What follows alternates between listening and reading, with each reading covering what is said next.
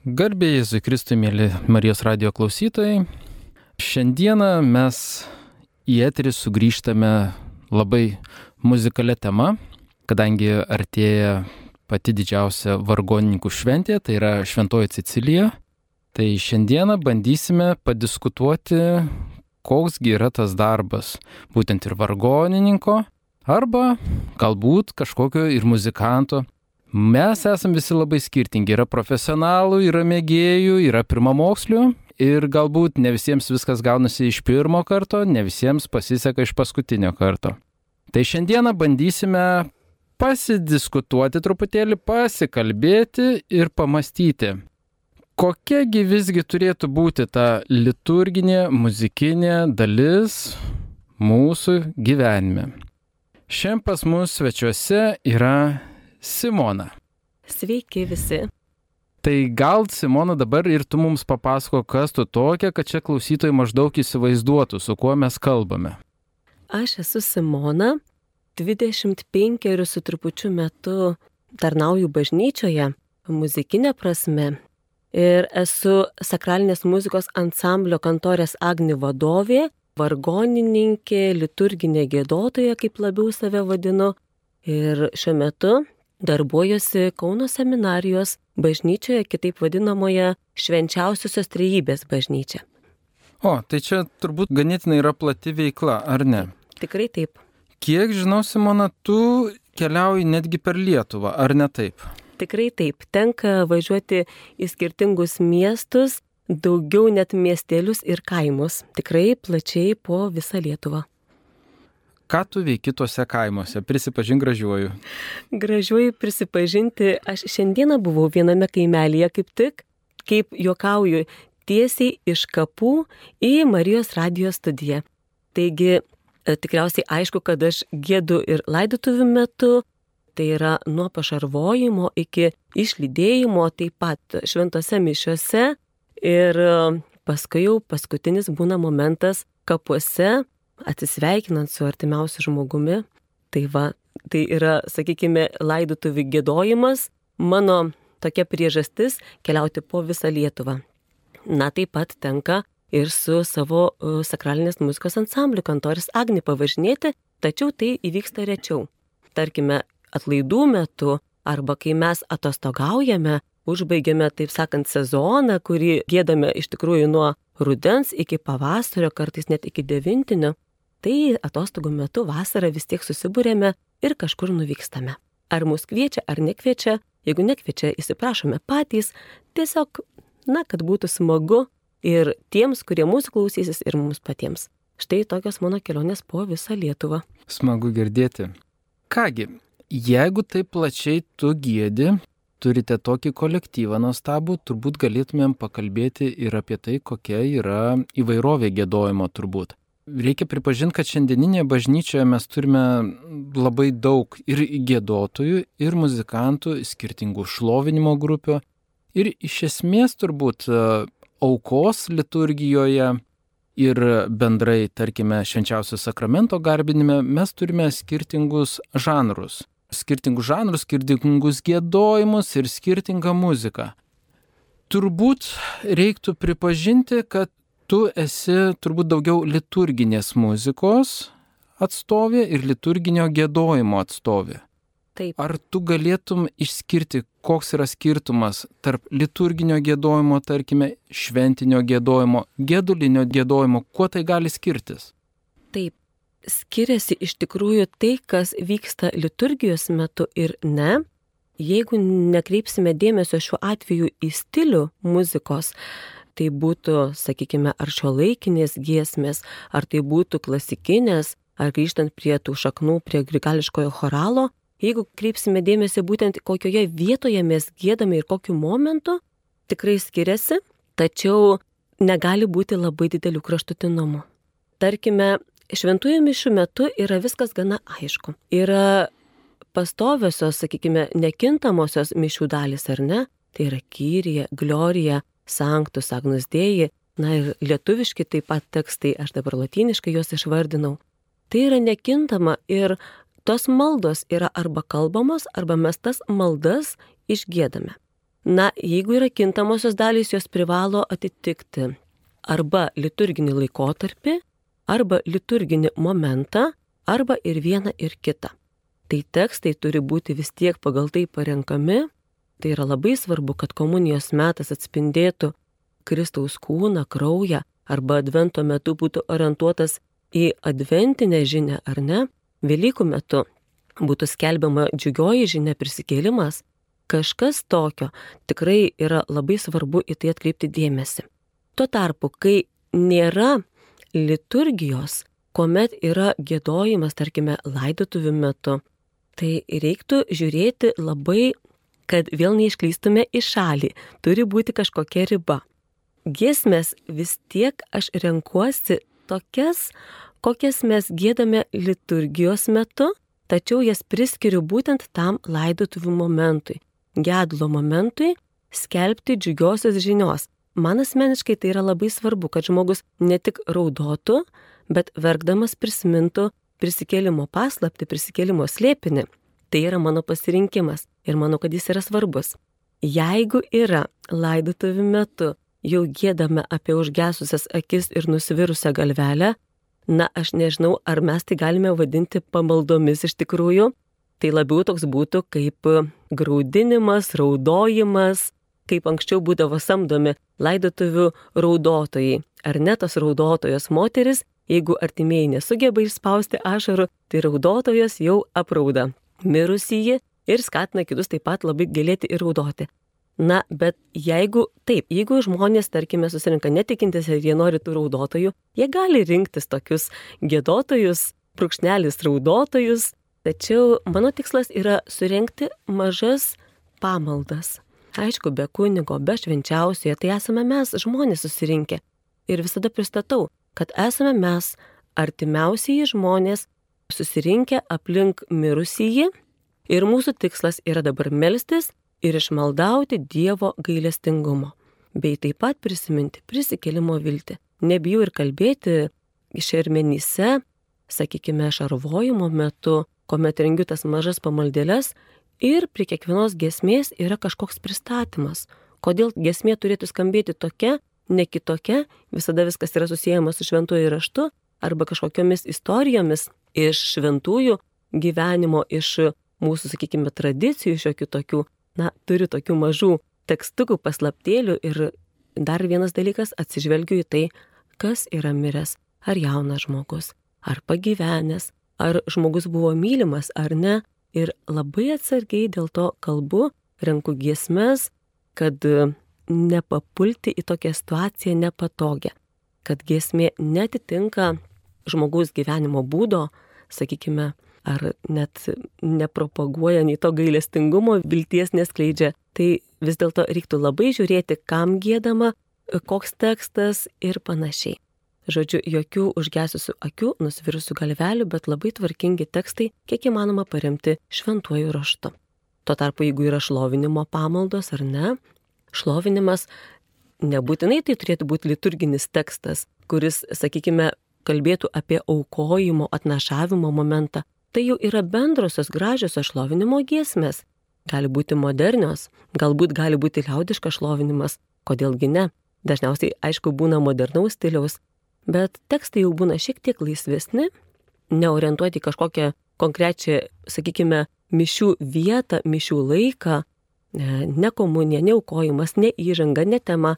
Tiesiog būna šlovinimas, švenčiausiasis sakramentas, Jėzus, malonė, šventoji dvasia ir panašia tematika skambančios giesmės. Puiku. Vat, bet aš dar turiu klausimėlį tada. Taip. Man užstrigo raudojimas, būtent gedulinėse mišiose ir laidotuvėse turbūt jisai užstringa dažnai.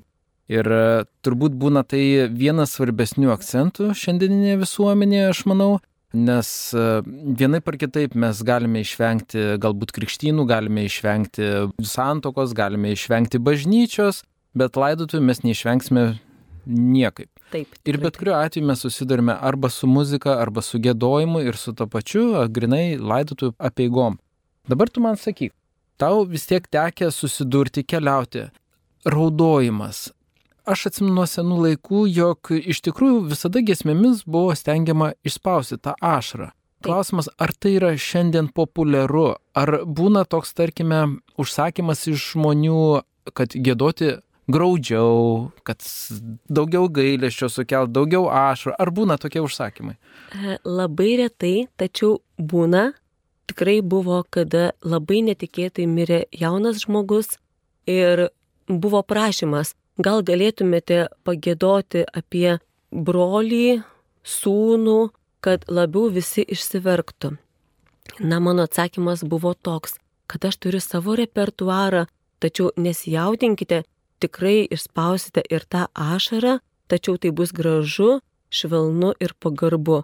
Na, turėjau kažką neutraliai atsakyti, nes matys, kad žmonės norėjo tokio išsiverkimo, išsileimo.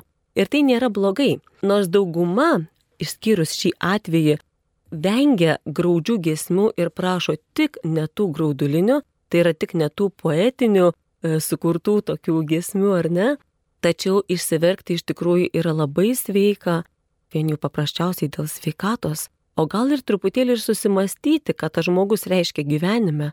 Tai visa tai yra pasiekiama per šventąjį raštą, ne tik gesmėmis, bet truputį privedant iki jų, kalbant ta tematika, kodėl yra, kaip minėjau prieš tai, gėdama šita gesmė, ką mes su ją ir su šventojo rašto žinia, pagal kurią gėdama ši gesmė, darome savo gyvenime. Ir žmonės natūraliai pravirksta, išsiverkia, išsilieja, tačiau jiems iš tikrųjų pasidaro lengviau. Nes graudulys grauduliai neligu. Iš tikrųjų, jeigu prašoma, kad specialiai graudinti, kad žmogus dar labiau būtų pasilgtas, jo būtų dar labiau gailima, na, ar tai veda į palengvėjimą? Vargu. Iš tikrųjų, galima dar labiau užsidepresuoti, o kas bus tuo metu, kai rytojaus dieną jau laidosime ir užkasime karstą? Tada būna iš tikrųjų ir isterija, ir nevaldomas ašaros, kai kam prireikia širdies lašų, visko būna. Tokiu atveju stengiamės, kad išvengti tokių specifinių graudinimų, o kai išsiverkiama yra ir palengvėjama, tai truputėlį kaip ir atlikta tokia geresnė misija - link žmogaus raminimo, link vilties suteikimo. Tu Facebook'e turi sukūrus tokį puslapį savo vargoninkės dienoraštis. Taip. Aš esu kartą pastebėjęs įrašą, jog verkiai ir tu. Taip. Tai buvo tas atvejis, apie kurį ką tik papasakojau, kur prašė graudesnių gesmių ir po metų nuvažiavau ir aš. Tačiau pati buvau kalta dėl tų ašarų. Iš tikrųjų, kaip minėjau, ta mirtis buvo sudėtinga, kad žmogus iškeliavo jaunas labai staigiai. Tikrai visi labai verkė, išsiverkė, tačiau liko skausmas. Net ir praėjus metams po mirties, taigi nuvažiavau ir tai buvo gan neseniai.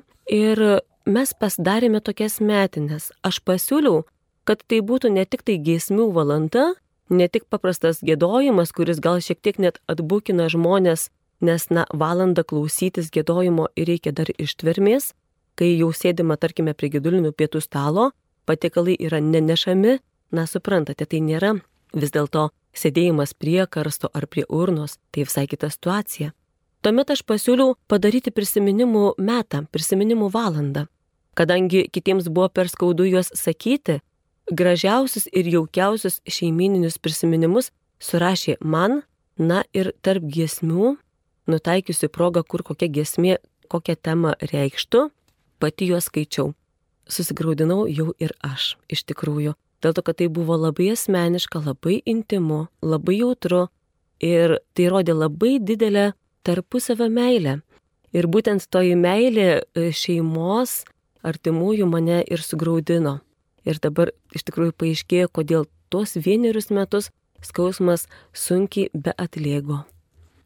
Supratau. O tada man pasakyk, tu paminėjai, jog parinki švento rašto ištraukas, taip? Taip. Kokia tau ištrauka galbūt daugiausiai daro įtakos, kuri galbūt labiausiai palietusi, kaip tu galvoji šitai progai, kokia geriausiai atliepia žmogaus jausmus, žmogaus gedulą? Žmogaus gedulą čia sudėtingiau, galbūt atsakysiu šiek tiek kitaip. Daugiau, kaip minėjau, kalbu apie viltį, apie tai, kad mes grįžtame pas Dievą, iš kurio atėjome, apie Dievo ilgesį. Tai turiu dvi istorijas. Viena yra istorija apie Elnę, trokštančią upelio atsigerti, kita istorija yra apie Jėzus ir Marijos paveikslus. Tikriausiai aš juos dabar ir papasakosiu. Taigi, kuomet ruošiuosi gėdoti giesmę apie Elnę trokštančią upelio atsigerti, pasakoju tokią istoriją, kad kasdienybės darbuose ir rutinoje mums yra sunku išgirsti Dievo balsą. Pasakau žmonėms, kad tai yra natūralu, nes užgožia tą Dievo balsą visi vargai, rūpeščiai, darbas, taip pat mūsų pačių mintys. Taip pat primenu, kad kasdienybėje, kai mes nurimstame, rodos nieko netrūksta, bet trūksta kažko, o netikinčiam žmogui tikrai pasijaučia truputį tas trūkumas, kurį jis bando išieškoti galbūt kažkokiose pramogose, galbūt kažkokiose laisvalaikio veiklose. Tai ir primenu, kad tas trūkumas jaučiamas nurimimo momentu yra mūsų širdise įrašytas Dievo amžinybės ilgesys. Nes iš dangaus tėvo atėję į žemę, vėl ruošiamės pas jį sugrįžti. Ir primenu, kad Senajame testamente, šventajame rašte, psalmėse šis troškimas, šis ilgesys yra labai gražiai sulyginamas su Elnės ieškančios upelio atsigerti troškuliu. Tuomet pacituoju pirmąjį psalmės pasmelį. Kaip ištroškusi Elnė, uodžia upelio, taip mano širdis tavęs ilgisi Dieve, mano siela ištroškusi Dievo, gyvojo Dievo, vaikada nukeliausiu ir Dievo veidą išvysiu. Kai išgirsta paskutinėje eilutė žmonės, labai iš tikrųjų sujautrėja, nes tai ir yra jų artimo žmogaus mirusiojo kelionė, tas troškimas nuvykti pas Dievą, vaikada nukeliausiu ir Dievo veidą išvysiu. Tuomet, žinoma, švelniai skamba giesmė ir jaučiasi tas švelnus graudulys, tačiau tai man labai graži tokia viltis yra skelbiama, kad gedlas nėra gedlas, nes žmogaus siela trokšta grįžti pas Dievą. Na, o ta kita istorija iš tikrųjų galbūt mano pačios truputį sugalvota, nes vienoje iš šarvojimo salių yra kabantys du paveikslai.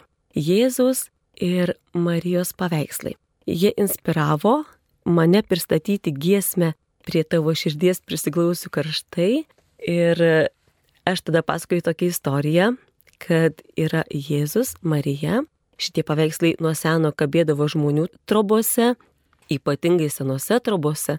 Dabar jų aišku tikriausiai ir su žiburiu neberasi. Skatinu jas prisiminti, kur yra matę tos paveikslus ir sakau, kad tai skelbia žmonėms, kiekvieną dieną priminimą apie mirtį, tačiau pačia gražiausia prasme. Nes dangaus mama Marija užtarė ateinantį žmogų pas Dievą, na, nes į mūsų užtarėją, taip kaip melžiame sveika Marija maldoje, melsk už mus nusidėjėlius, dabar ir mūsų mirties valanda, pabrėžiu žinoma mirties valanda, žmonės tada suklūsta ir kuomet pasakau apie gailestingąją Jėzaus širdį, tada būna, kad ir jauni žmonės pravirksta, nes skelbiama pati gražiausia gailestingumo e, žinia, kad gailestingoji Jėzų širdis užmiršta, kas buvo negera ir neteisu. Su didžiausia meile ir gailestingumu laukia grįžtančio pas ją žmogaus. Ir primenu, kad dabar tikriausiai mūsų mirusysis, už kurį melčiamės, jau glaudžiasi prie dviejų labai mylinčių širdžių tai prie Jėzaus širdies, prie Marijos širdies. Na ir po šios žinios tikrai būna, kad žmonės labai ir sujautrėja, giesmė nuskamba prasmingai, nes ši giesmė labiau galbūt tinka Jėzaus širdžiai pagarbinti, bet e, orientuojosi į Jėzus ir Marijos abi širdis.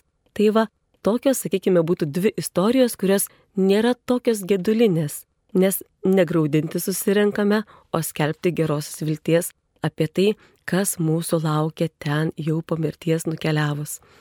Iš tikrųjų, tai aš pilnai sutinku su tavimi, nes iš tikrųjų paskui metu e, pastebiu tokį kaip ir virsmą. Būtent žmonių požiūrėje į mirtį Mes kažkaip tais nuo senų laikų dar atsimnu esame pripratę, kad mirtis tai yra didelė juoda dėmė, tai yra kažkokia labai sunki netektis, tai juoda praraja kažkokia ir viskas taip orientuodavosi į juodą spalvą. Ir dabar netgi Klausydamas tavęs aš susimaščiau apie liturginės spalvas kad būtent antrojo Vatikano susirinkimo metu buvo nuspręsta, kad e, juodos spalvos reiktų vartoti mažiau arba ją tiesiog iš vis netgi galbūt iš liturgijos taip labiau pašalinti, gal ne taip drastiškai, bet jos vengti.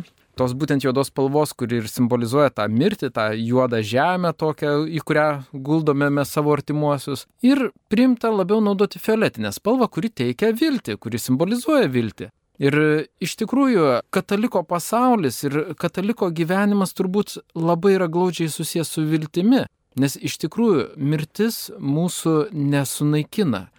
Jinai mums atveria duris į tą pažadėtą į gyvenimą. Mes einame susitikti su Jėzumi.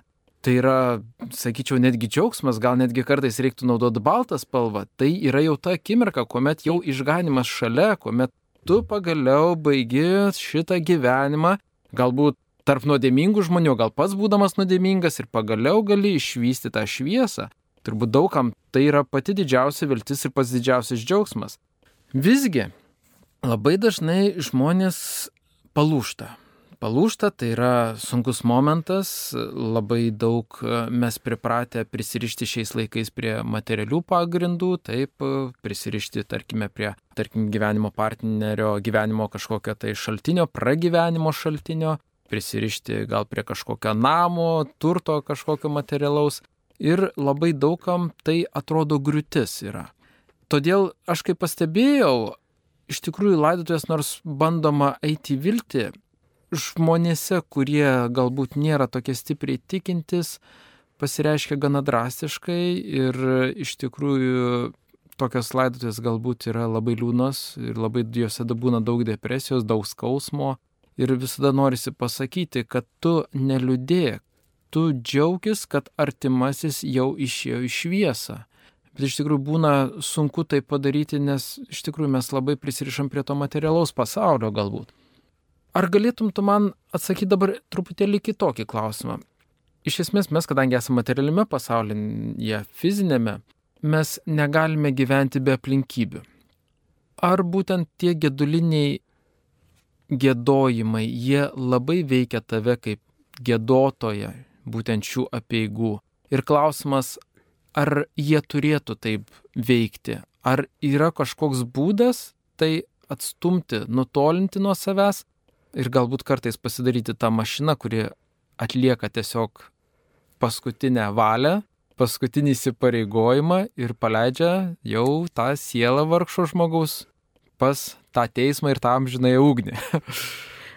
Taip, iš tikrųjų, štai ko ir nesiekiu savo gyvenime nebūti ta mašina, ta mechaninė gėdotoja, kuri nuvažiavo, atliko savo darbą, atburbėjo, atgėdojo, gal net ir greitą kalbę ir grįžo namo labai patenkinta ir toliau juokaudama.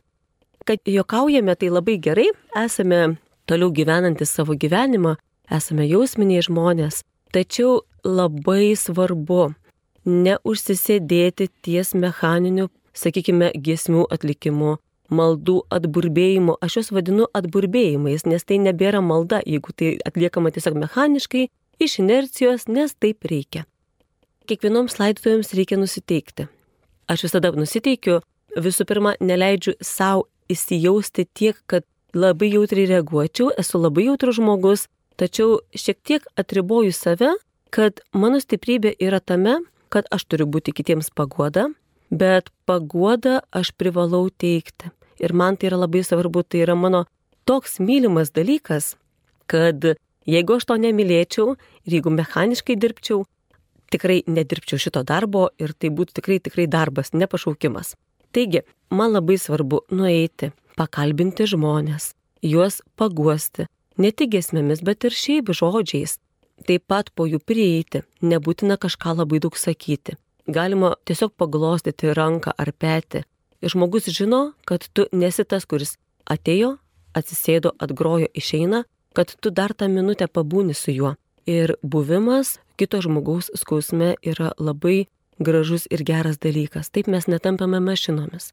Labai svarbu, žinoma, atsižvelgti į tai, kas vyksta pačių laidotuvių metu, Net sakykime, būdėjimo metu to vadinamojo šarvojimo, ar žmonės yra nerimastingi, nerūpestingi, ar jie juda šnekasi burba, tarytum jiems net nerūpėtų miręs žmogus, ar jie kaip tik labai skaudžiai verkia, pergyvena, išgyvena.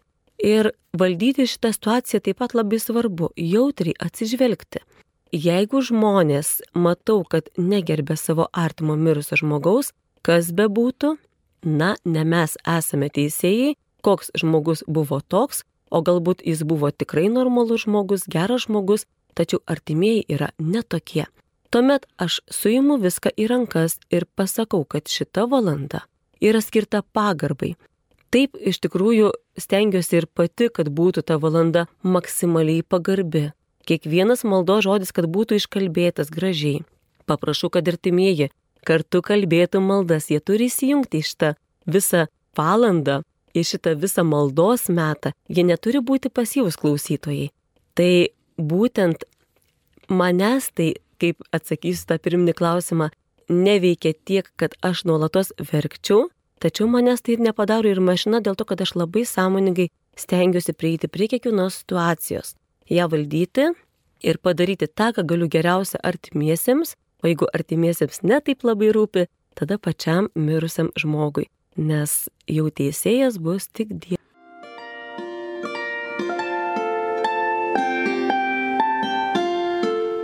Jūs girdite Marijos radiją.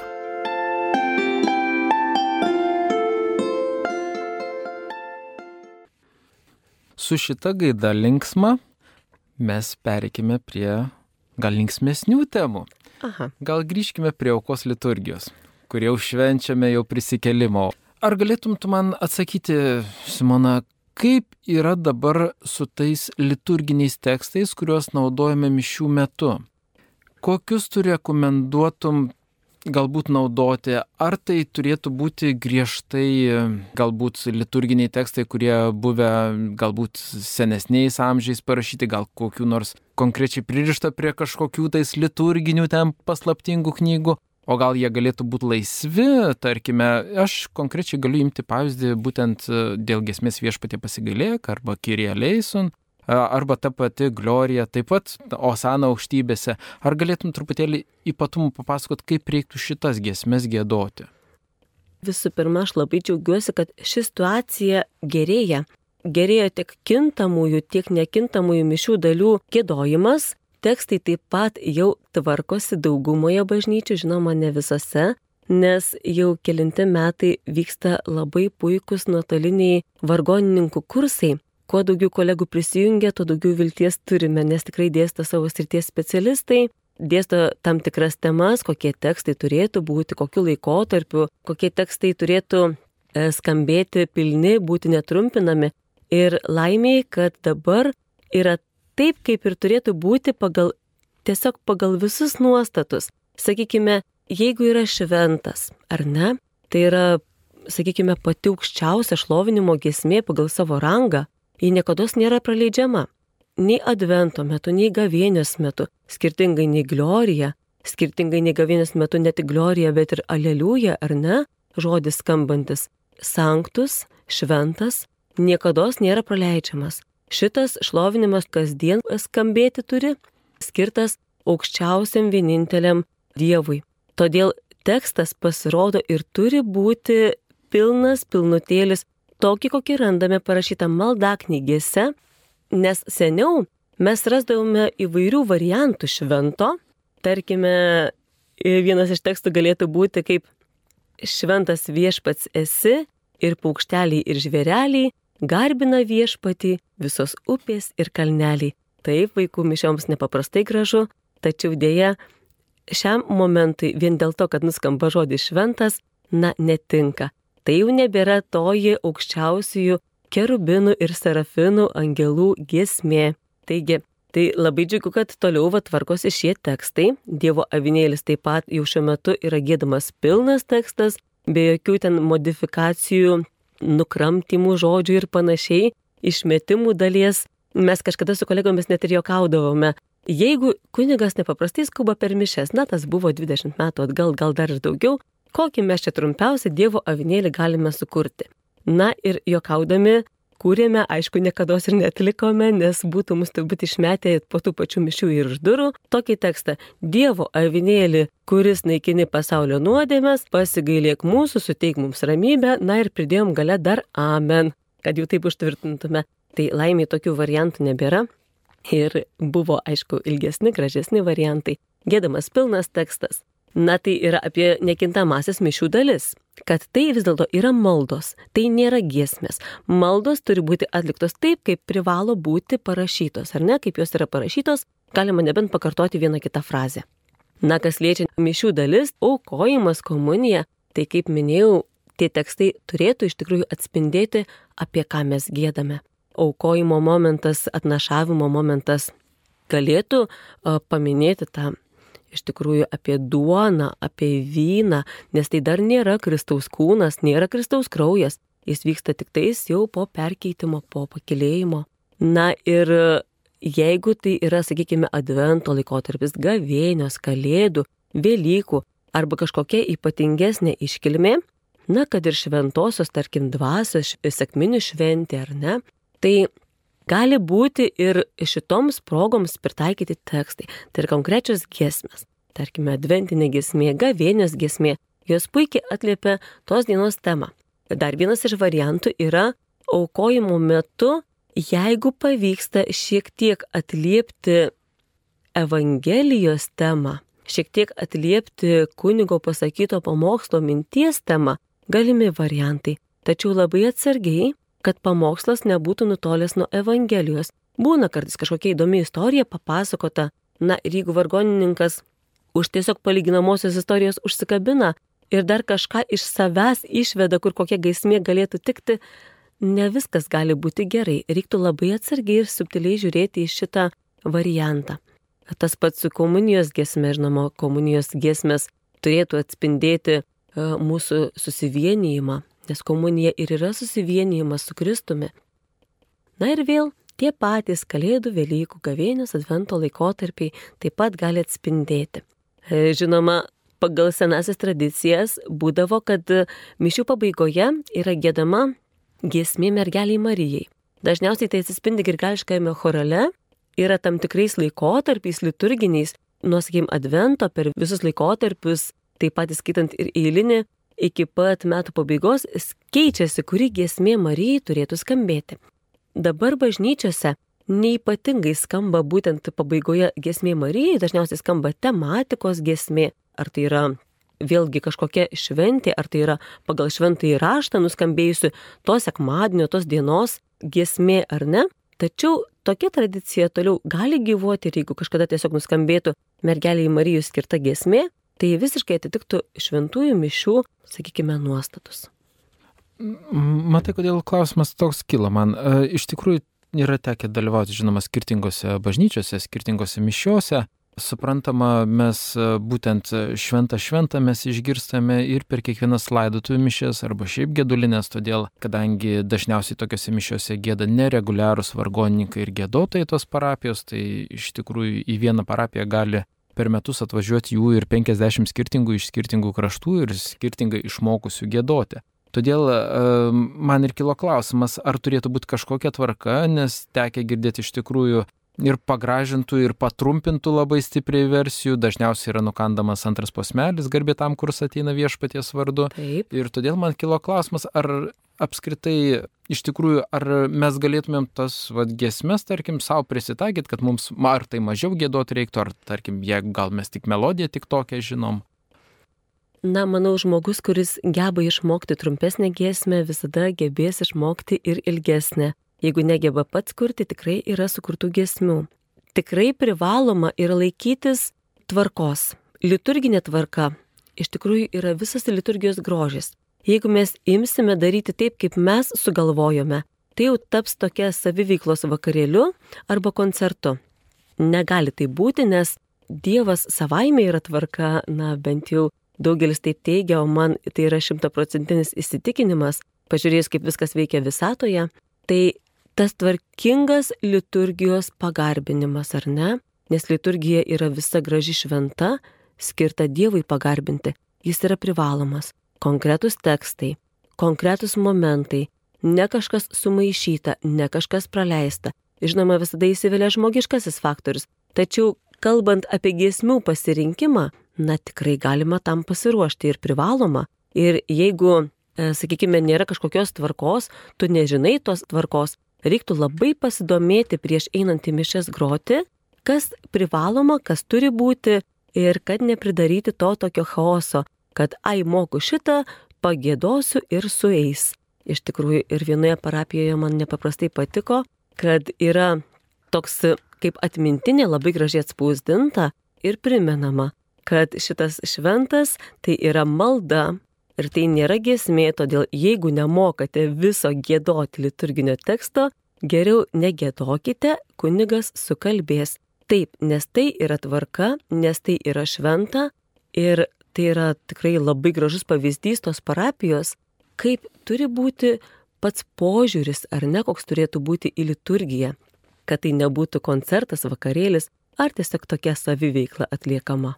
E, aš labai pritariu to klausimu, kadangi iš tikrųjų dažnai šio laikinis žmogus pasiklysta, tarkime, tose laisvėse. Mes labai dažnai kalbam apie laisvę ir mes labai dažnai galvojame, kad laisvė kažką daryti yra absoliuti. Tai yra, mes iš vis galime savo norus įkelti bet kurį savo gyvenimą ir laisvai gyventi, bet labai dažnai pamirštame, kad mes plėsdami savo laisvę apribojame kitų laisvės. Todėl ir kai kuriuose mišiuose aš pasijaučiu galbūt, kad e, iš tikrųjų yra tas toks apribojimas galbūt melsis truputėlį pagarbiau. Manau, kad ne vienas sakys, jog Dievas girdi mus visus ir iš tikrųjų mes turėtume prisitaikyti prie šio laikinio šiokio tokio pramogų pasaulio. Vienai par kitaip dabar pagrindinės visuomenė kaip eina pramogų kryptimi ir labai puoselėja pramogas, nes dažniausiai randa juose kažkokį tai tokį savo sielos nuraminimą, bažnyčioje jau rečiau randa, bet visgi aš galvoju, kad negalima galbūt visiškai sunaikinti tvarkos. Sakykime, kad rimkime pavyzdį tą pačią mokyklą. Nu, vaikai turbūt labiau norėtų sėdėti galbūt laukia susėdę aplink medį, arba, pavyzdžiui, vidury klasė susikurti laužą ir visą dieną prasėdėti, bet taip nėra. Ten irgi yra tvarka, ten yra pamokos griežtai, kaip nuo senų senovės vos ne, na, galbūt tik tai kelis dešimtmečius, 45 minutės akademinė valanda ir viskas vyksta pagal tam tikrą tvarką. Yra tam tikros pamokos, į kurias jie privalo ateiti. Todėl aš pritarčiau tau, jog visgi reikia laikytis tų maldų ir žodžių. Visgi tai yra maldos, kokios galbūt jos bebūtų nešiuolaikiškos, gal juose nekalbama apie Coca-Cola, galbūt nekalbama apie kažkokius tai filmus, ne, bet iš esmės jos yra skirtos Dievui. Mes garbiname turbūt Dievą ir reiktų pasistengti garbinti taip, kad tai būtų pagarbu. Nes lygiai taip pat mes su tai žmonėmis, su kuriais ir bendraujame, kuriuos gerbėme, mes su jais elgiamės pagarbiai. Mes nesistengiame kažkaip tais jų pažeminti. Taip, nes e, šiaip pagalvojus apie pagarbą, paimkime paprasčiausią pavyzdį - rūmus, karalių, karalienę, ar ne, yra kažkokia labai konkreti tvarka, yra dienotvarkė, yra pagarba šeimoje, karališkoje ar ne šeimos nariams, Jau nekalbant apie bendrą elgesio etiketą, apie pagarbos atidavimą pavaldinių karaliui ar karalieniai. Ir tai vyksta šiandieną. Tai sakykime, kad ir toje pačioje Didžiojoje Britanijoje, ar ne? Tai nevyko kažkada viduramžiais ir panašiai. Viskas yra šiandien. Tai jeigu žmonės sugeba atiduoti pagarbą kitam žmogui aukštesnio rango, jeigu gerbia vyraujančias taisyklės, kodėl negalima atiduoti tinkamos deramos pagarbos su visa kokybė, ar ne, su visomis maksimaliomis pastangomis tam karaliui, kuris, na, yra ne šio pasaulio, kuris yra žemės ir dangaus karalius. Dievui turėtų būti pati aukščiausia pagarba. Ir tai mano dažniausiai būna koziris, jeigu kažkas nori nekokybiškai gėdoti ir sako, tai Dievas tai mylintis yra geras, vis tiek jisai priima, jeigu tu nuoširdžiai gėdi, labai gerai, o ar padarai visiškai viską, ką tu galėjai, ar tu mokėsi, ar tu atlikai kokybiškai, ar tavo vokalas buvo geras, ar tu tinkamai pagrojai, ar derami tekstai buvo, ar tu laikėsi tos karališkos liturginės tvarkos. Štai čia yra labai didelis klausimas, kuriam reikėtų susimastyti kasdien. Dėl to, kad net ir labai puikiai viską atliekantis žmonės kartais truputį viduje užsnūsta ir turi savo priminti. Mes turime tokią vargonininkų grupę. Ir yra po vieno šito pasakymo, kad Dievas vis tiek viską priima, kaip tu jį bešlovintum, svarbu bele nuoširdžiai, taip ir buvo parašyta bele nuoširdžiai, aš padariau tokį viršelį ir ant jo užrašiau. Mylėk brolį, nes Jėzus yra mūsų brolis, ar ne, bet nepamiršk, kad šlovini karalių. Ir tai yra labai svarbu kasdien prisiminti. Su šita nuostabia gaida aš tau, Simona, norėčiau padėkoti už tokį smagų pokalbį, tikrai informatyvų ir įdomų. Aš tikrai manau, kad klausytojai tai, ką išgirdo, galės ir prisitaikyti savo, panaudoti, o gal kils kitokių minčių, gal ir prieštaravimų netgi. Iš tikrųjų, laida buvo labai įdomi, buvo labai smagu pasikalbėti ir tiesiog e, aš norėčiau iš karto nenuvilti klausytojų, mes su Simona sutiksim dar kartą ir tada kitoje laidoje mes pakalbėsim jau ne apie vieno žmogaus gėdojimą, bet apie visos grupės. Apie viso kolektyvo gėdojimą ir apie choro gėdojimą, kas iš tikrųjų yra daugelį parapijų labai sunku ir susistatyti tą chorą ir žinoma su juo dirbti. Todėl plačiau pakalbėsime kitoje laidoje. Ačiū už pokalbį ir iki kitų susitikimų. Su jumis buvo laidos vedėjas Matydas ir Simona.